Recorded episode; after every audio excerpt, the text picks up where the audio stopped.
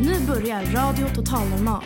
Programmet där vi med erfarenhet av psykisk ohälsa säger vad vi vill. Här är alla röster lika värda.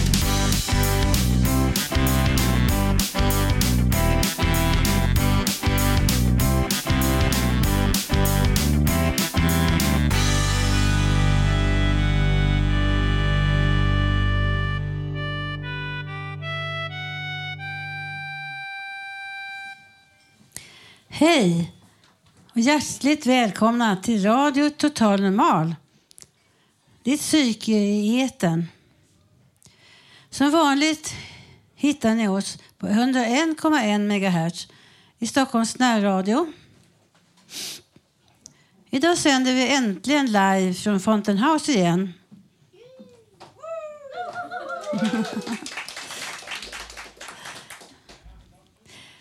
Temat är fåglar.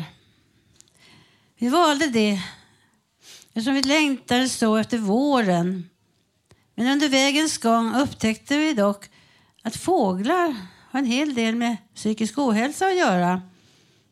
Men även andlighet, myter, gudasagor och mycket annat. Dagen till ära gästas vi av ingen mindre än Staffan Hälsan. De ska sjunga och berätta om sin hit Lilla fågel blå. Det blir poesi, filosofiska inlägg och berättelser direkt ur livet. Allting på ämnet fåglar. Så välkommen till dagens program. Och jag som är dagens programledare heter Cecilia Malmsten. Oh, well, everybody's heard about the bird. Bird, bird, bird. The bird's a winner. Well, a bird, bird, bird. Bird is a winner. Well, a bird.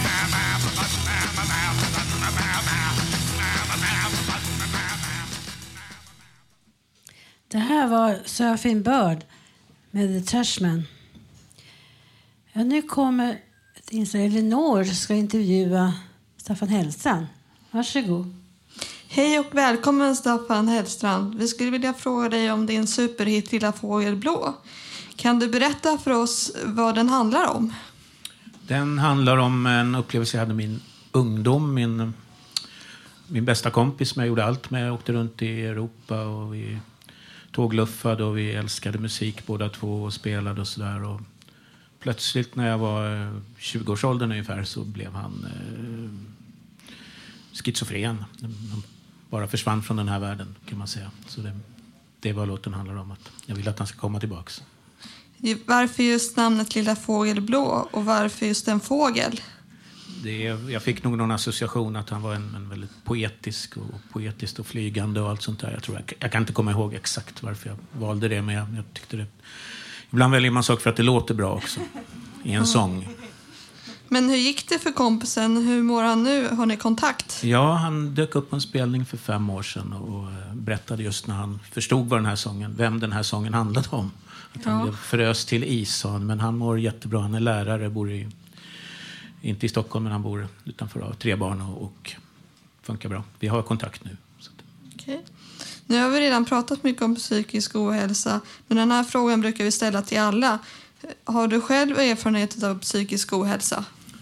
Eh, inte själv direkt, men jag har många väldigt närstående som har haft psykiska problem och har faktiskt. Så jag, jag är väl insatt i, i problem, hur det kan vara.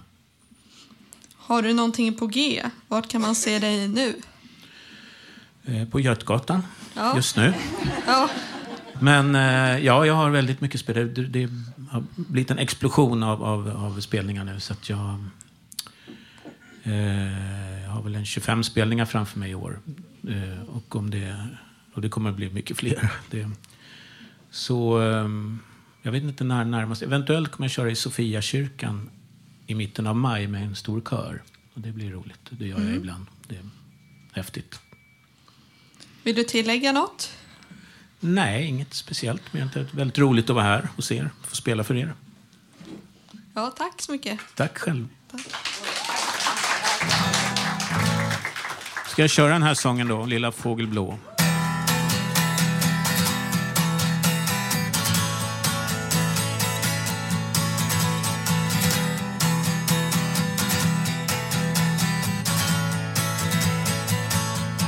Det kallas himlen och jag har aldrig varit där.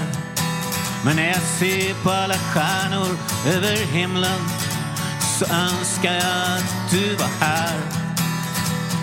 Du var så poetisk och nu går du i en annan värld. Och jag kan bara säga kom tillbaks. Den här världen är så underbar. Kom tillbaks. Hela världen var så underbar. Och det kunde lika gärna varit jag, lilla fågel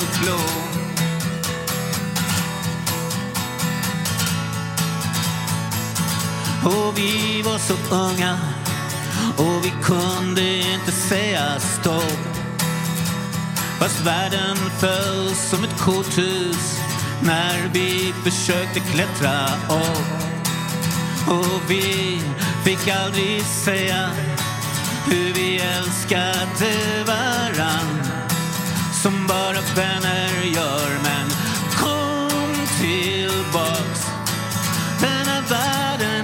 underbar. Kom tillbaks. Hela världen var så underbar. Och det kunde lika gärna varit jag. Det kunde lika gärna varit jag. Det kunde lika gärna varit jag. Lilla fågel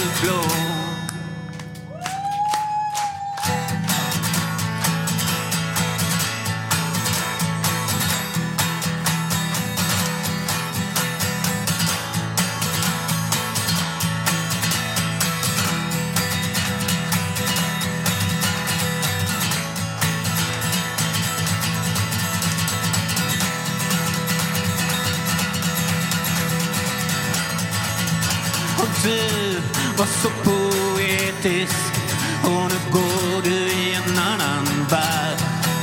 Jag tror den kallas himlen och jag har aldrig varit där. Men när jag ser på alla stjärnor över himlen så önskar jag att du var här. Och nu kan jag bara säga kom tillbaka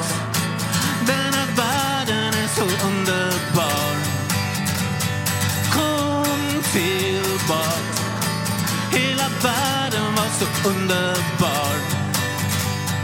Kom tillbaks Och kom tillbaks. Kom tillbaks. Hela världen var så underbar. Och det kunde lika gärna varit jag. Det kunde lika gärna varit jag. Det kunde lika gärna varit jag. Lilla fågel blå Lilla fågel. Lilla fågel blå Lilla fågel. Lilla fågel blå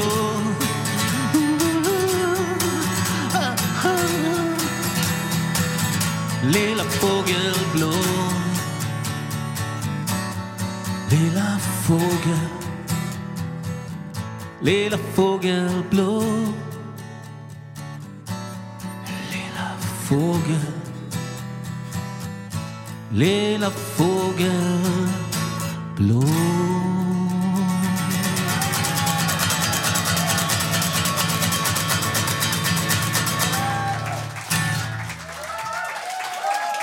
Tack så mycket. Det var mitt första framträdande på fem månader så att det kändes underbart.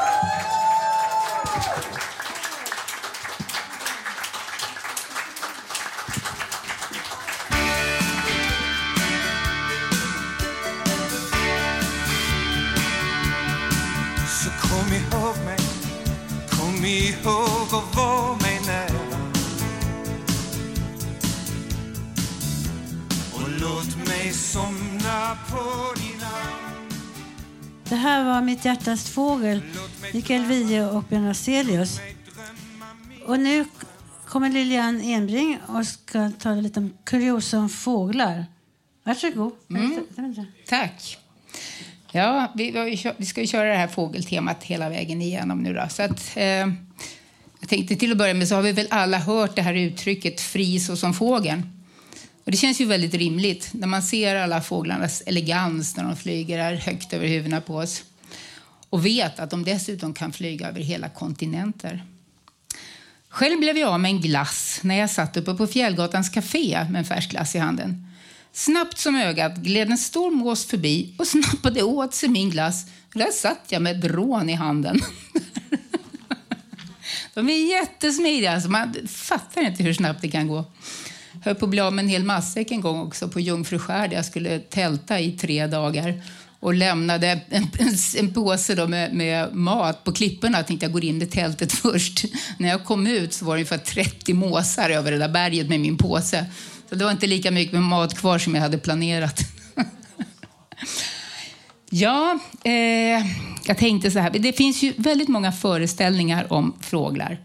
Eh, ett är till exempel att storken anses komma med barnen. Eh, man kan stoppa huvudet i sanden som en struts och låtsas att man varken syns eller finns. Eh, man kan vara klok som en uggla och tjatig som en papegoja. Det kommer vi nog få höra mer om lite så småningom här idag. Kråkfåglar de anses faktiskt vara de mest intelligenta av vilda djur i Sverige. Eh, ja, då får det bli så. Det var inte så jag hade tänkt, men vi säger det. Ett pilotprojekt som genomförs nu i Södertälje är jätteintressant. För där håller man på att lära kråkor att plocka fimpar. Det hela går ut på att man tränar kråkorna i bytesprincipen. Alltså, de belönas genom att byta varor. En godis för en fimp. Projektet har nu fallit så här väl ut så att de har tänkt att börja genomföra det här i Stockholms län eh, lite mer vidare. Och faller det väl ut här, ja, så kommer det dras vidare ut i hela Sverige. Så nu kanske vi kan få ett fimpsvitt, fimpfritt Sverige. Det var svårt att säga. Eh, ja, människan och duvan har alltid haft en eh, nära relation, i tusentals år faktiskt. Och detta har fört med sig att duvan har fått ett stort symboliskt värde. Den, är ofta, den, den representerar ofta upphöjda och positiva ting som freden, till exempel fredsduvor, eller Guds ande. Guds ande som uppenbarade sig i form av en duva som sänkte sig ner över Jesus när han döptes av Johannes döparen. Likaså är det vanligt att duvor finns på gravstenar och i begravningsannonser och som en symbol för Guds ande. Duvan är då ofta vit och ska symbolisera renhet. Att äldre sitter i parken och matar duvor har väl mera blivit ett litet skämsigt fenomen eh, som uttryck för tristessen i ett äldre liv där det inte finns något mer intressant att göra än just att mata duvorna.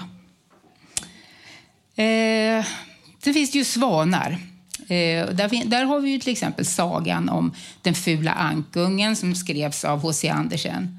Och den handlar ju om en ung andfågel som retas för sin fulhet. Men när den växer upp så blir den till en vacker vit svan. Uttrycket svanesång refererar till en legend om knölsvanen och handlar om något sorgligt, något som ska ta slut. Svanar de bildar ju ofta par tillsammans och lev, lever tillsammans hela livet ut. Men så finns det ett annat begrepp som heter svarta svanar. Jag vet jag såg en film en gång om, om jag tror den hette Svarta svanen. Eh, handlade om en, en eh, balettdansös och hon, hon, hennes destruktiva jag var den svarta svanen.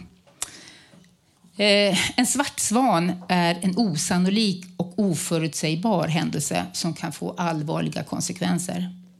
Svarta svanar kännetecknas av att de är extremt sällsynta, får allvarliga konsekvenser och att de i efterhand anses ha varit uppenbara. En svart svan kan se ut precis hur som helst. Det kan vara allt från en naturkatastrof, ett krig till en finanskrasch eller ett virusutbrott. Alla svarta svanar har dock tre saker gemensamt. För det första så är de oförutsägbara eftersom ingenting i det förflutna på ett övertygande sätt kan, har pekat på att det här kommer att inträffa. För det andra så är händelsen allvarlig och får extremt stor inverkan på samhället och världen. Och det tredje gemensamma är att svarta svanar, när de väl är ett faktum, verkar förutsägbara. Även om ingen räknade med eh, händelsen går det att hitta förklaringar i efterhand och världen frågar sig varför man inte var förberedd. Svarta svanar är alltså av naturen sällsynta men de är ändå väldigt det är ändå väldigt sannolikt att något liknande redan har inträffat förut. Coronakrisen är en svart svan. Men det är inte första gången som människan har drabbats av en världsomfattande pandemi om vi tänker på spanska sjukan eller andra utbrott.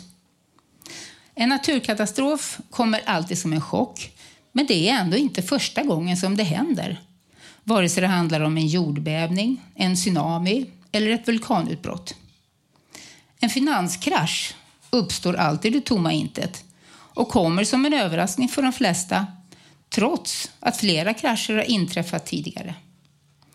Notera att de här händelserna inte anses vara omöjliga men däremot mycket osannolikt baserade på, på historiska fakta.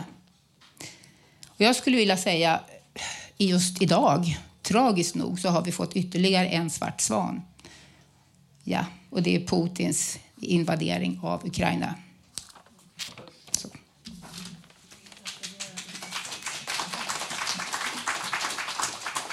Du har en fågel på dig! Fågel! Kom ut, kom ut och titta! Det spelar roll. Han tänker inte på fågel. Det här var Fågelturken av Mardal. Och nu har vi en intervju. Ulla, vi ska intervjua Magoria eh, om livet med en goja.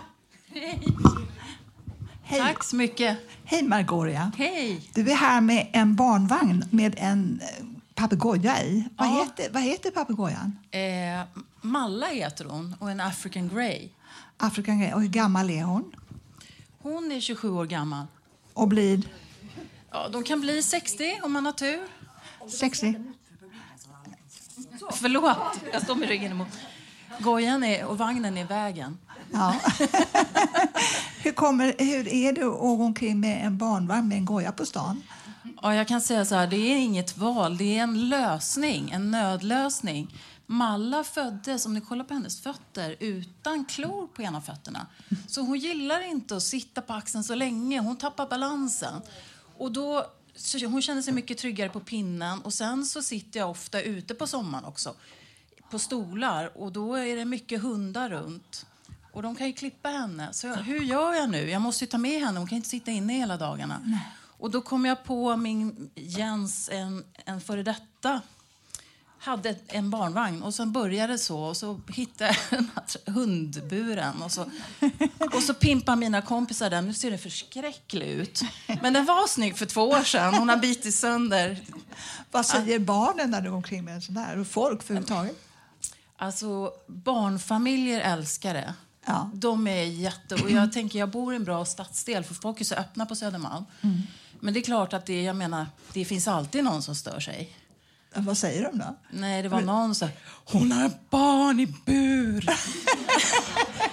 eh, och det är inte okej heller att ha fågel i bur. Men hon, den här gojan är född i, i fångenskap och hon skulle inte klara sig och jag har tagit över henne. Så att jag gör mitt bästa och vi, vi älskar varandra, jag och Malla. Ja, men du har känt henne hela livet, hela hennes liv? Ja, det har jag gjort. Eh, Håkan skaffade henne och vi hade delad vårdnad i ja, alla år vi levde tillsammans. Ja. Och sen när vi separerade så hade vi delad vårdnad. Sen träffade han en ny tjej och då fick inte jag träffa henne. Jag flyttade till London och tänkte på Malla varenda dag. Och jag bad snälla, får jag tillbaka, liksom, får jag träffa Malla?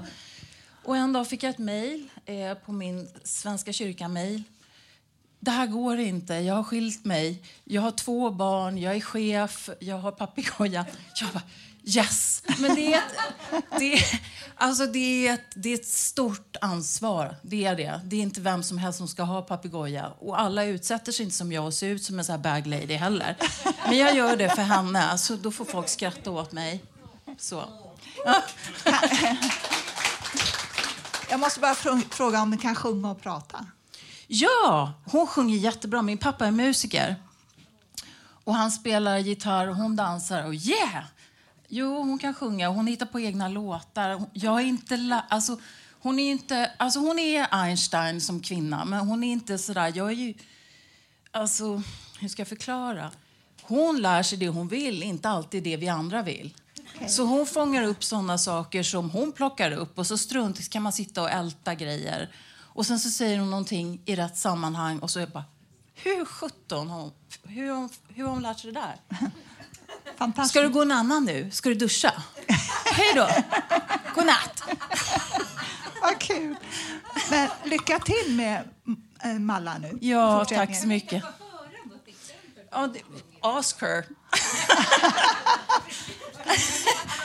Hon, hon pratar mer när, de, när, när, du, när det spelades musik. Då dansade hon i buren. Ja. Tack så mycket. Tack! Ja, vadå? Ja, vill du tillägga någonting? Nej, i, inget speciellt om det inte är någonting ni vill fråga mig om. jo, det är så här vi brukar fråga Ja. om vi undrar om du har varit med om någon psykisk ohälsa på något sätt. Ditt Ja, det alltså frågar det- vi alla som är här. Inte mina läkarjournaler, men det är kliniskt. Jag tror vi alla går igenom tuffa grejer i livet då vi står Ja. på botten. Om det är sorg eller skilsmässor eller vad det nu är och hur vi definierar det. Jag tänker alla som är sjukskrivna som har blivit det under covid-tiden, som har förlorat sina jobb och eh, inte minst världsläget, Kanada, Ukraina som ni nämnde tidigare. Ja. Jo, visst påverkas vi. Och sen ta, kan vi ta oss därifrån, vissa. Alla orkar inte det. Så. Hur är det för... Eh, Hur är papegojans psykiska hälsa? Jättebra. But she drives me nuts sometimes. Men, eh, märker hon om du mår dåligt till exempel och är lite tröstande? Absolut. Om jag kommer hem och till exempel är ledsen. Ja, men sluta med alla, det är jag. Super. Eller om jag är glad. Jo, självklart. Vi påverkar varandra jätte- jättemycket. Det är som en familjerelation. Vi påverkar ju varandra alla, alla tillsammans. Kommer någon in och är glad och har jättemycket energi, då känner ju alla i rummet det. Och det brukar påverka. Vi påverkar varandra, så är det. Så vi får vara snälla mot varandra och sända ut godhet och kärlek. Så. Tack så mycket.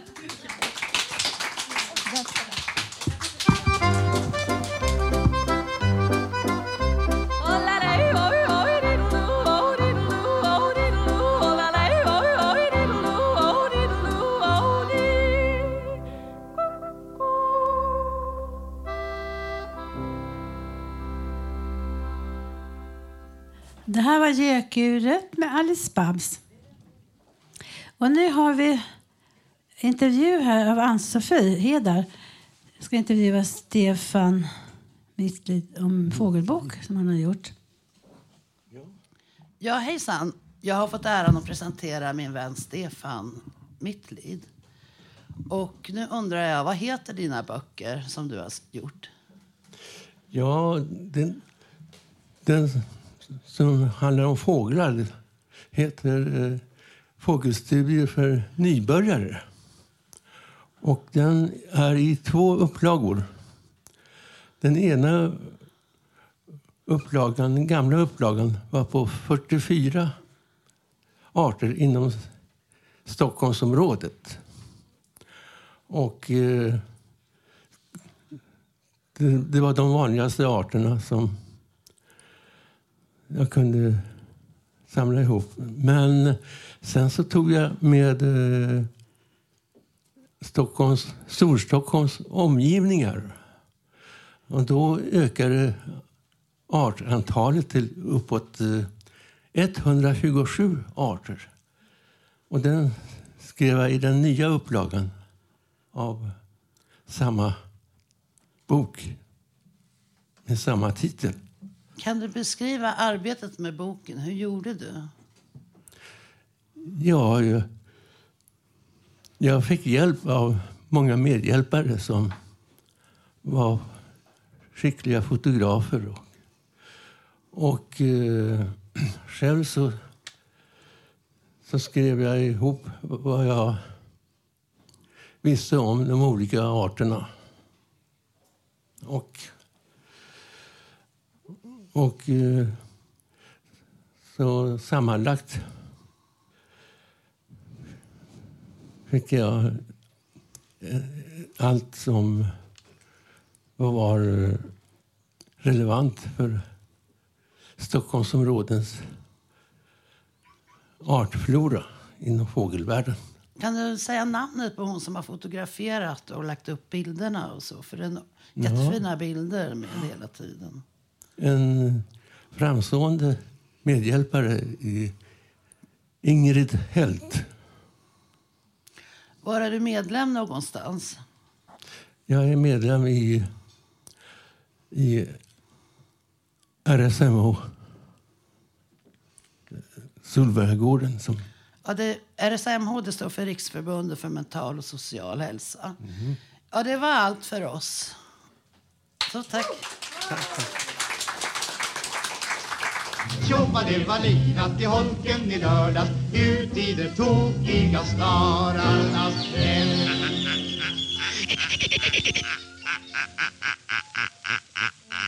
det var Jag har varit på med Tjova det var livat.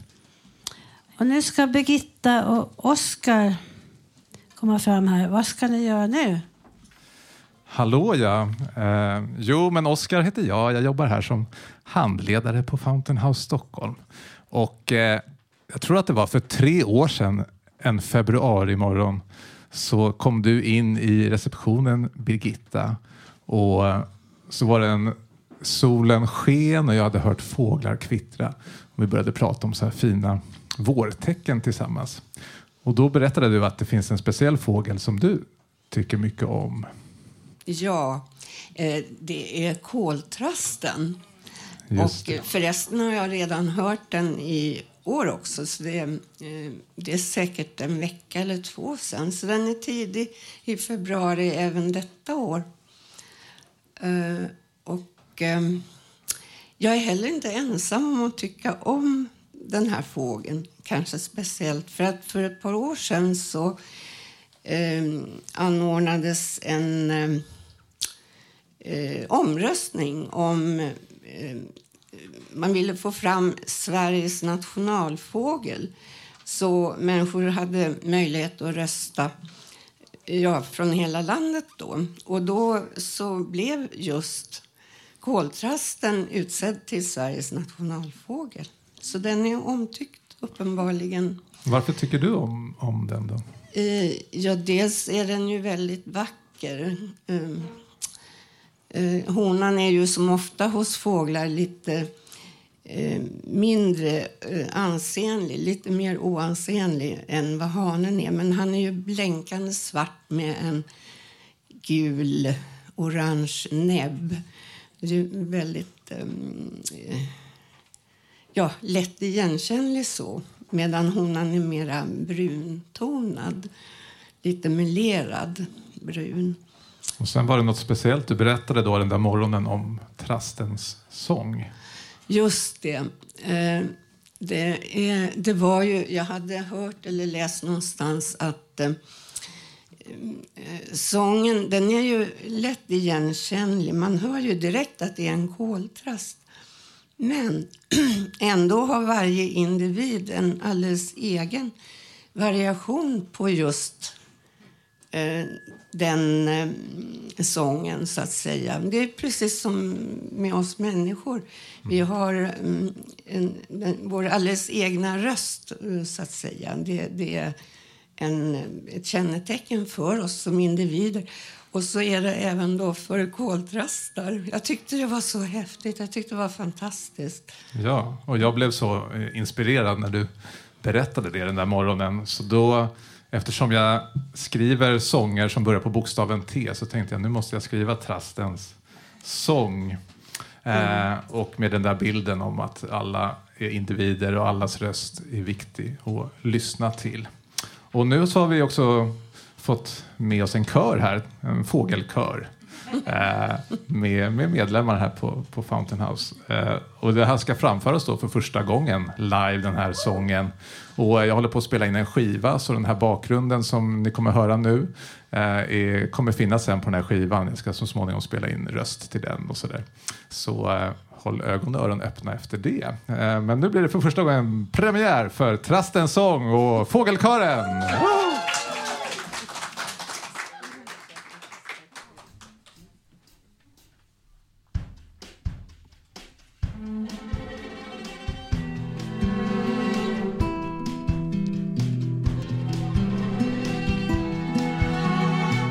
Alla trastar har sin sång, sin egen sång.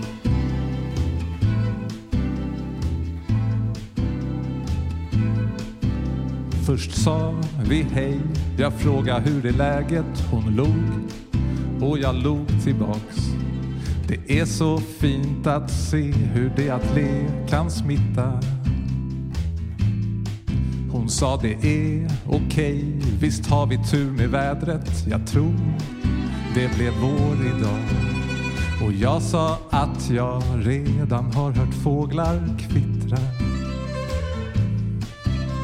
Och då så kom hon på något som någon berättat.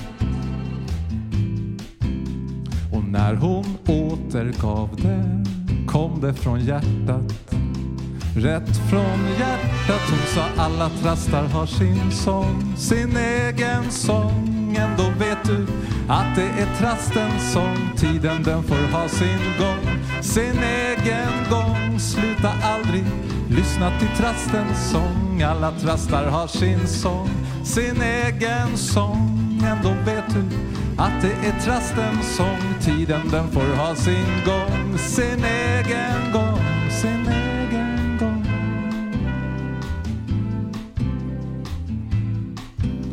Jag sa, men jag kan också känna ångest för isar som smälter ner. När fåglar sjunger redan nu i februari. Du sa, men du, de bjuder upp till sångfest. Det är inte trastens fel. Och vi behöver deras sång att hålla tag i. Och jag sa alla snögubbar kommer töa. Hon sa men nu så reser sig snödroppar från de döda. För ditt öga alla trastar har sin sång, sin egen sång. Ändå vet du att det är trastens sång. Tiden den får ha sin gång, sin egen gång. Sluta aldrig lyssna till trastens sång. Alla trastar har sin sång, sin egen sång. Ändå vet du att det är trastens sång. Tiden den får ha sin gång, sin egen gång. Sluta aldrig lyssna till trastens sång. En fågel i handen, låt den flyga till de tio i skogen där den får vara med. En fågel i handen, låt den flyga till de tio i skogen där den får vara fri. Och där den får vara fri. Där den får vara med. Och där den får vara fri. Där den får vara fri. där den får vara med.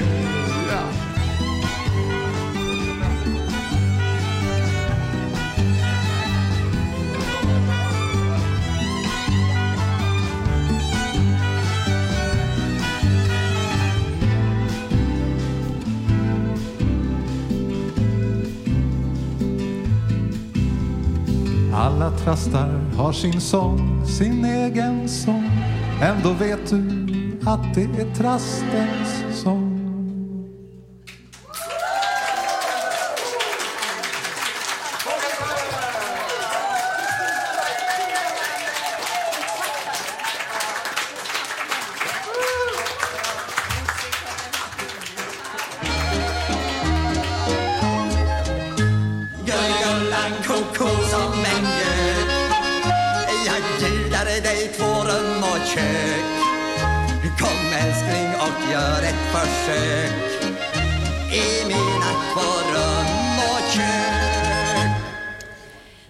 Var Gulligullan Koko med Jokkmokks-Jocke.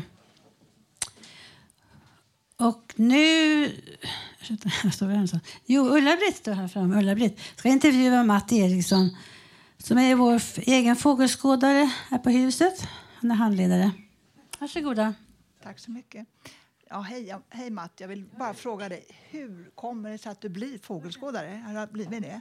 Ja, jag tror inte, alltså I mitt fall så är det väl så att liksom, äpplet har inte fallit så långt från päronträdet. Utan min pappa han tog med mig ut mycket i naturen när jag var liten. Och jag var nog ganska imponerad över att han kunde peka ut vad som satt i träden och vad som blommade liksom på ängen och fjärilar och så. Så att det var väl ett ett intresse som eh, liksom tog form utan att jag egentligen märkte det själv. Utan det var väl så att jag fick följa med ut och eh, blev nyfiken och imponerad.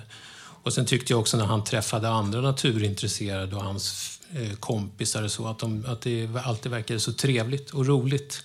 Så jag Mm. tror att det kändes som en... eh, Ja, att komma ut och, och vara i naturen och med de här människorna var alltid väldigt inbjudande. Mm. Vad trevligt det låter. Vad är det bästa med att fågelskåda, tycker du? Ja, det, jag, egentligen det bästa för mig tycker jag att liksom gå upp riktigt tidigt innan alla andra har liksom kommit upp ur sängen. Och liksom, alltså, nu tänker jag en majmorgon, åka ut redan klockan tre kanske. Eh, solen ska inte ens ha gått upp när man liksom cyklar iväg eller åker iväg med bilen. och så liksom, ja, Man kan tänka att det inte har kommit igång så mycket, men det är då som oftast fåglar och annat är som mest aktivt. Och så är det oftast ganska tyst, så det blir väldigt en, en så intensiv känsla av, att, av närvaro. Mm. Av, av det som man upplever där på morgonen. Vad är din mest spännande fågelupplevelse? Ja, det är svårt. Men jag kan berätta, en gång så var jag med en kompis som heter John på Gotland. Och så körde vi bil till en udde som ligger längst ut i öster, heter Faludden. Och så när vi kom fram dit, parkeringen, så träffade vi Lars Jonsson. Och för de som känner till fågelmålare och konstnärer så är han en känd sådan som har ritat många fågelböcker och sånt. Och så berättade han för oss att det satt en pilgrimsfalk i en jättehög eh, militärmast där, den är nästan 200 meter hög. Och ja, den satt där stilla och vi tog fram våra kikare och tyckte att det var kul. Jag, sett, jag hade sett det tidigare.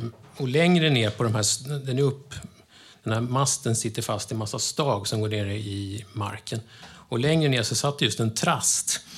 Och eh, lät och liksom, den markerade mot falken. Och eh, efter en stund så då, eh, lättade den här trasten ut över ängen där. Det är stora öppna strandängar och falken for efter.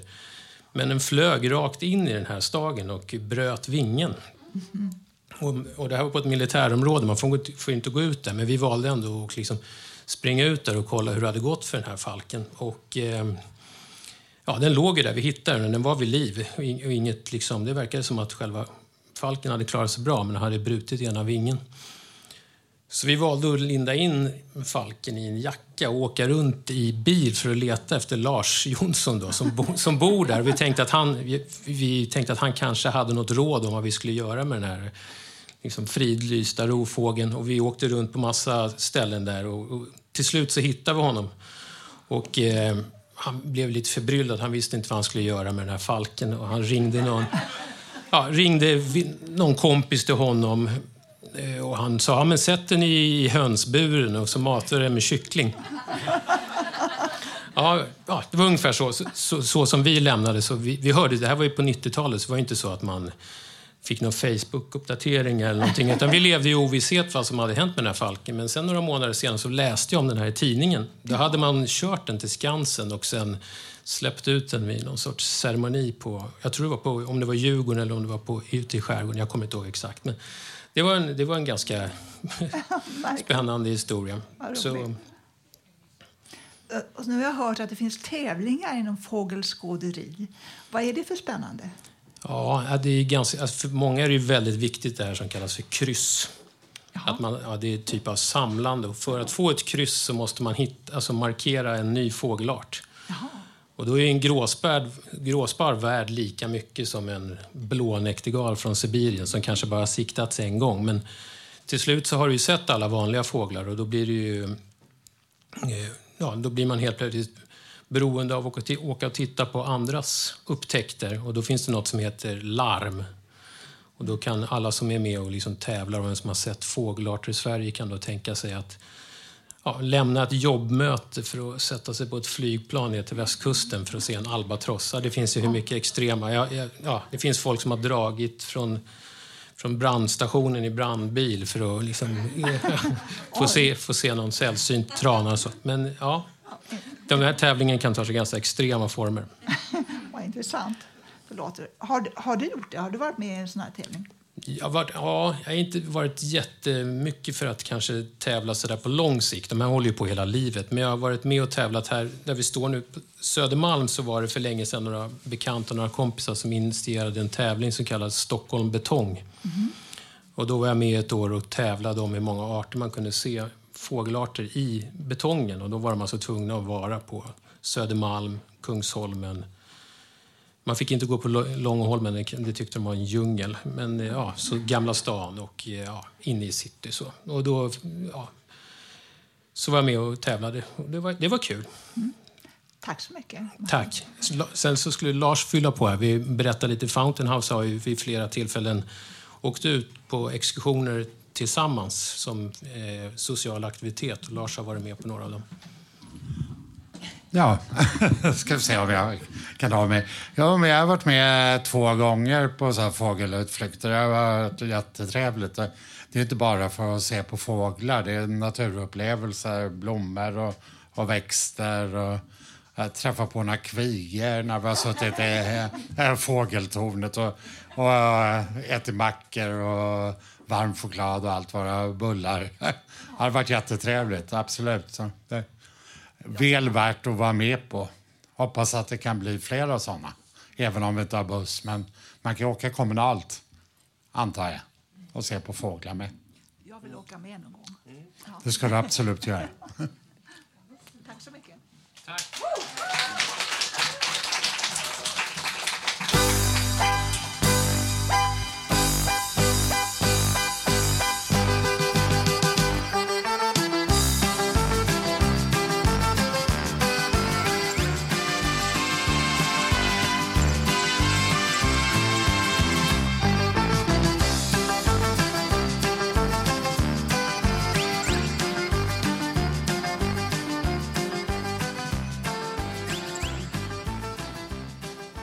Var fågeldansen.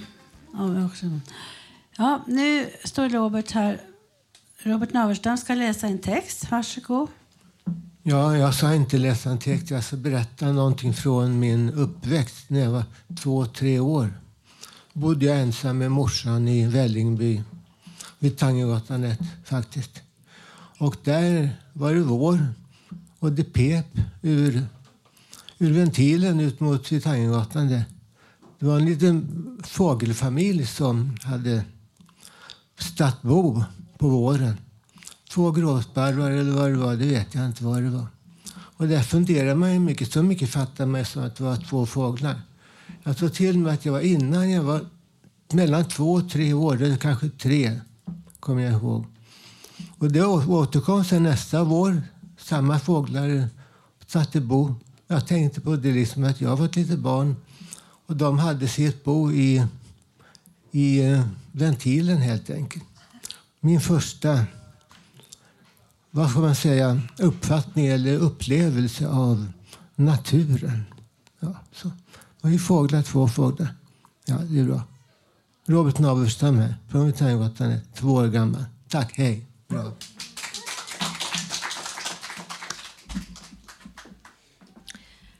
Det är musik där. Ja, då skulle jag komma fram här. Jag hade skulle få läsa en dikt. Jag brukar läsa dikter. Jag valde en av Karin Boye. Det råkar heta... Kanske inte. Karin Boye är känd författarinna här i Sverige. Hon har gått bort. Hon råkar ha en dikt som heter Nattkärran. Och det var en ovanlig fågel, nattkärran. Jag läste mycket i tonåren. Det är från henne, ja. Halvvaken ruvar sommarnatten stilla på drömmar dem ingen vet. Kärnarnas blanka vatten speglar en skymningshimmels bleka oändlighet. Stjärnorna vitare bli. Fjärran, fjärran, nattkärran sjunger ensam sin tonlösa, tröstlösa vaggmelodi. Aldrig djärvt hon mot höjden svingar svävar lågt för sin låghets skull. Duvningar skymningsvingar tyckas bundna vid jorden tyngda av stoft och mull. Ve den vars vingepar ej kan sig höja blott röja övermäktigt draget mot dyn vars färger det har. Men den vitaste vita bland svanar som i morgonens ljusrymd far sina kungliga banor hyste aldrig en längtan som, sådan som kärran har. Ingen kan längta så mot en fjärran som kärran mot det evigt vinkande, evigt vikande blå. Tack.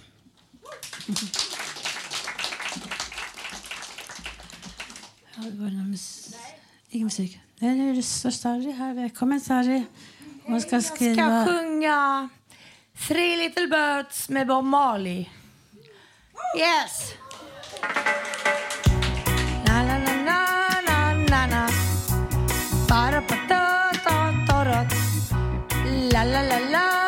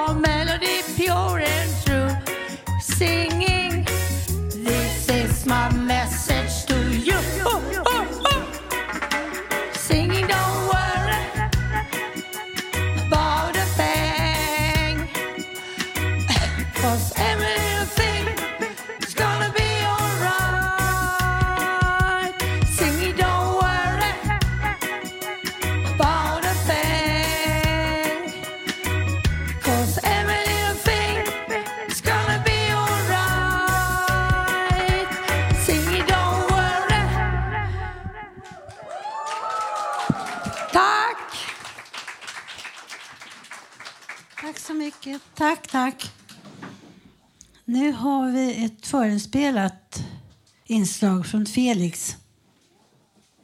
Hälsning från Felix. omgiven av fåglar. Vad kul det är med ett fågeltema! Mitt efternamn är Svan. Hela min pappas släkt heter Svan i efternamn. Min mamma hette Holub innan giftermål. Det betyder duva på tjeckiska. Hela hennes släkt heter Holub i efternamn. Sedan bytte hon efternamn till Becker. Hon gjorde det för att det kändes opassande att en duva skulle vara gift med en svan. Jag var uppväxt med att älska olika typer av fåglar från papegojor, ankor till pingviner. Papegojor är häftiga som imiterar ord folk sa till dem. Det har i hela mitt liv fascinerat mig. Min förra katt brukade ofta sätta sig på min axel som om hon vore antingen en papegoja eller en gam. Vi gick på promenader på det viset. Ankor. Jag älskade att mata ankor i Årstaviken. Väldigt själviska kan de vara när det kommer till att bli matade, men ändå en rolig grej. Jag har växt upp med Disney-kortfilmerna om Kalle Anka och en superhjälte som heter Darkwing Duck. Han var en av hjältarna som gav mig inspiration till att skapa egna superhjälteserier när jag var yngre. Min nuvarande katt ser ut som en uggla. Han stannar på vissa platser och gör ingenting annat än att bara glo som en uggla med sitt platta perseransikte med stora bärnstensögon. I Hångsjö, mitt landställe, har vi alltid hackspett som kommer och hälsar på i gamla ekar. Mitt under en meditation under sommaren 2011 fick jag se på hur mitt flappande funktionsvariation såg ut. Det visade sig vara en pingvin med krämfärgade kaninöron som hette Flapp Felix. Sedan dess har jag använt mig av honom, både som en seriefigur och en filmfigur i mina historier. Jag har alltid relaterat till pingviner, på grund av sättet de flappar med sina vingar, precis som jag flappar med mina händer ibland. Jag har nu ett halsband som jag har fått från en kostymdesigner till Alfred Hitchcocks film Fåglarna i Los Angeles. Det är en hök av silver. Det har blivit min nya identitet. Nu har jag fått ett uppdrag från ett filmprojekt i Israel där jag animerar olika typer av svananimationer tillsammans med andra animatörer utomlands till en Disney-liknande film. Vad mer kan man säga än att hela mitt liv har jag varit omgiven av fåglar.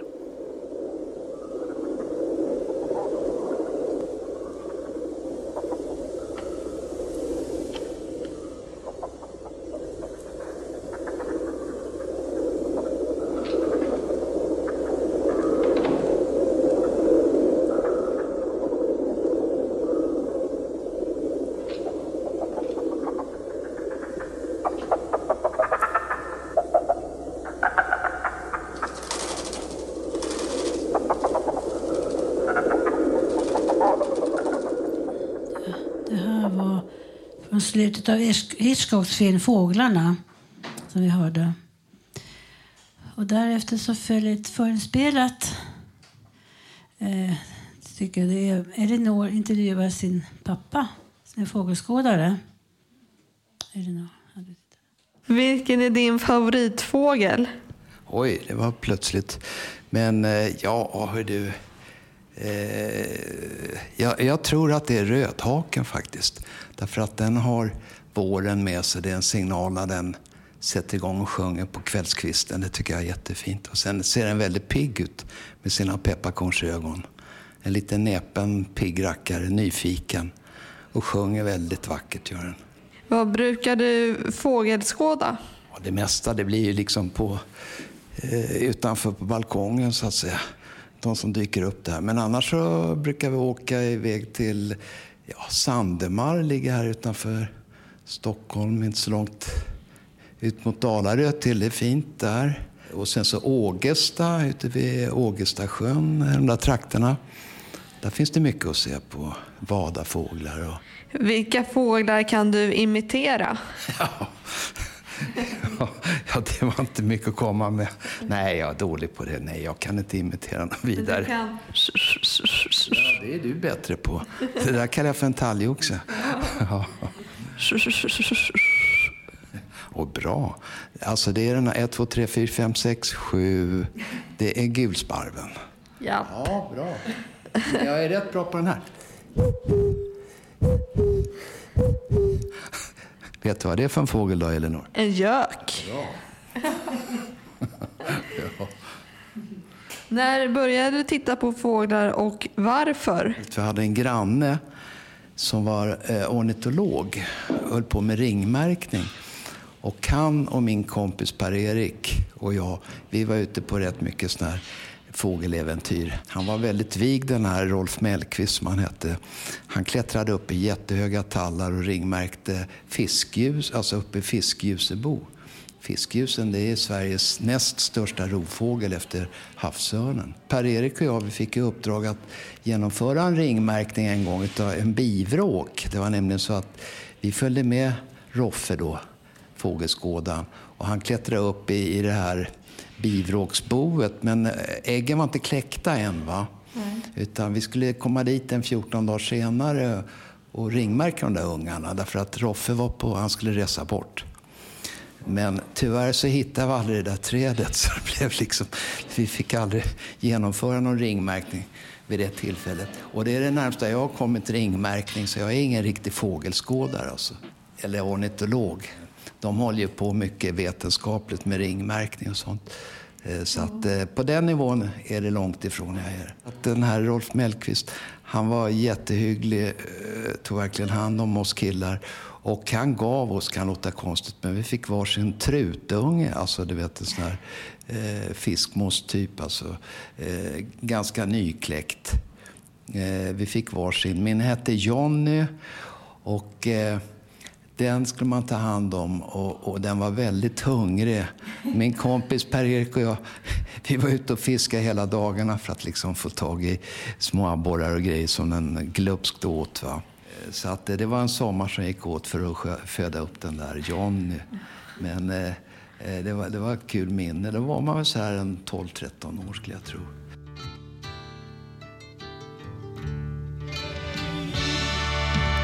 USA.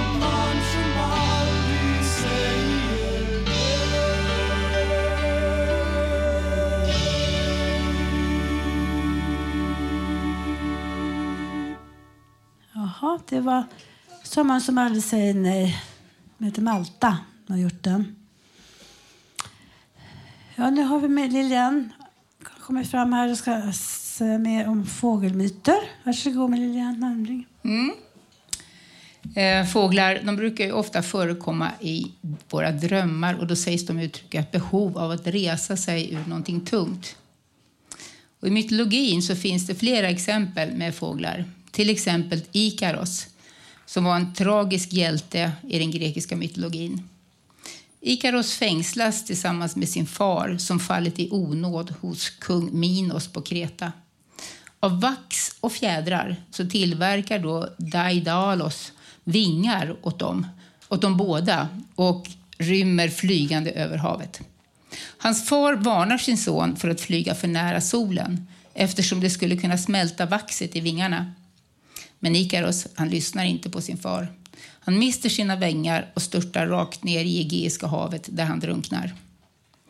Den här berättelsen om Ikaros brukar handla, eller sägs handla om övermod och hybris. Sen har vi också fågel Fenix. Det är en annan mytisk fågel. Han sägs återfödas ur askan av elden han brann upp i. Det gällde därför såsom en sinnebild av odödligheten. Örnen har förekommit i många sammanhang. Romarna använde örnen som fälttecken och som symbol för det romerska riket. Synen på örnen som något högt och nobelt började antagligen här. Genom ätten Bernadotte kom örnen även att ingå i det svenska riksvapnet. Och inom falkenering, ni vet när man använde falkar till, till vad gör man för att hämta saker? Ja, jag vet inte riktigt vad de gör när jag tänker efter. Det får jag ta reda på. Falkenering i alla fall. Eh, då ansågs kungsörnarna vara bland de högsta och finaste djur man kunde använda. Korpen så. Det är en av de mest mytomspunna fåglarna. Förmodligen beror det på att korpens svarta blänkande färg, att han är asätande och dess säregna läte och dess rykte för klokhet. De har länge ansetts som en olycksbådande fågel. De låter ju lite olycksbådande också. Och förknippas ofta med döden eller olycka. Som asätare som, eh, som var känd för att äta människor som har dött i krig eller avrättats blev korpen förknippad med de döda och med förlorade själar. Ibland så anses ju korparna vara döda människor vars själar fortfarande flyger runt här bland oss människor. Korparna har det bland de största hjärnor av alla fågelarter. Liksom hos andra kråkfåglar så finns anekdotiska observationer av anmärkningsvärda bedrifter i fråga om problemlösning, vilket har lett till uppfattningen att fåglarna har en hög intelligens. Man har till exempel observerat att korpar kan manipulera andra till att utföra arbeten åt dem. De ser också efter, att, eh, de ser också efter var andra korpar gömmer sin föda och kommer ihåg var de har placerat sina födogömmor så att de kan stjäla från andra korpar. Man har också observerat korpar som har låtsats göra ett gömställe utan att faktiskt lägga maten där, förmodligen för att förvirra åskådare. Korpar är kända för att stjäla och gömma glänsande föremål som småstenar, metallbitar, silverskedar från trädgårdsbord, smycken och liknande. En teori är att de samlar sig glänsande föremål för att imponera på andra korpar. I nordisk mytologi så ansågs att korparna Hugin och Munin det var satt på guden Odins axlar och såg och hörde allting. Liksom i traditionell mytologi och folklor så förekommer korpen ofta i en mer modern litteratur som till exempel William Shakespeares verk och kanske det mest kända Edgar Allan Poes dikt The, Raven, Korpen, som vi tidigare, i förra året tror jag det var, hade en medlem som reciterade här faktiskt. Jättefint. Så tänkte jag bara avsluta med en egen liten ett bidrag till, till en, en fågelhändelse. Eh, det var höst och det hade kommit mycket snö och vi bodde uppe på tredje våningen. Och rätt vad det är så hör vi bara en duns in i, i balkongfönstret. Och jag tänkte, vad är det för någonting? Går ut och tittar och ser bara en grop i snön. och när jag tittar i gropen så ligger det en liten fågel där. Och jag tänkte, vad ska jag göra med den där? Han såg helt död ut. Så jag frågade min man, men, vad, vad gör vi? Nej, men kasta upp den bara så flyger den säkert, sa han. Kastade upp den här stackars lilla fågeln. Dunk, så var det bara tre våningar ner. Jag kände, gud vad har jag gjort för någonting? Jag rusar ner och plockar upp den där fågeln och tänker det här kommer ju aldrig gå väl. Men jag kände att, att liksom hjärtat pickade och han, han levde fortfarande. Så vi, vi la honom lite fint på köksgolvet och, och försökte värma honom och få i honom lite vatten och sådär.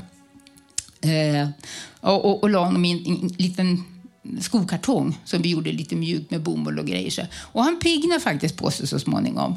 Men vad ska man göra med en sån där liten fågel? Jag visste inte, den kunde vara skadad. Så jag fick tag på något telefonnummer till, till några människor här, en kvinna på Södermalm. Det, det var någon organisation som tog hand om, om ja, vild, vilddjur, fåglar och sådär. Eh, och så åkte jag in till stan på tunnelbanan och hade gjort lite så här lufthål så de kunde andas. så lämnade jag över till honom. Och så sa han, vad heter fågeln? sa hon som tog emot den där. Så jag, det vet jag inte. vad då heter?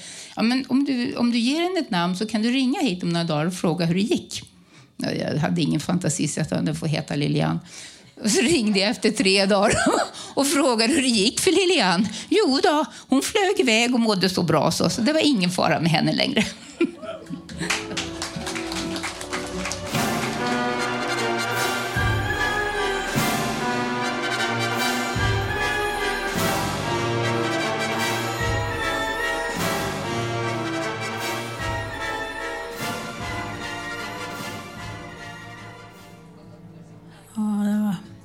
en liten Svansjön av Sarkozy. Så att nu har vi börjat närma oss slutet av programmet. Det var allt vi hade att bjuda på idag. Det här. Nästa livesändning blir den 10 mars.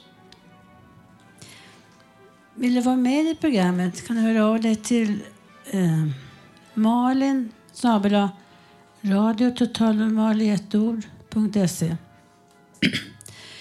Du kan alltid lyssna på oss via www.radiototalnormal.se där alla våra program finns samlade eller på Soundcloud och iTunes. Du hittar oss också på Facebook, på Twitter och Instagram. Radio Total Normal drivs av föreningen Fanzingo med stöd från Socialstyrelsen, Fountain House, Stockholm och ABF. Tekniker idag är Johan Hörnqvist. Ah! Producent är vår Malin Jakobsson. Och jag som var dagens programledare idag heter Cecilia Malmsten. Tack. Ha en fortsatt fin dag. Återhörande. Hej då.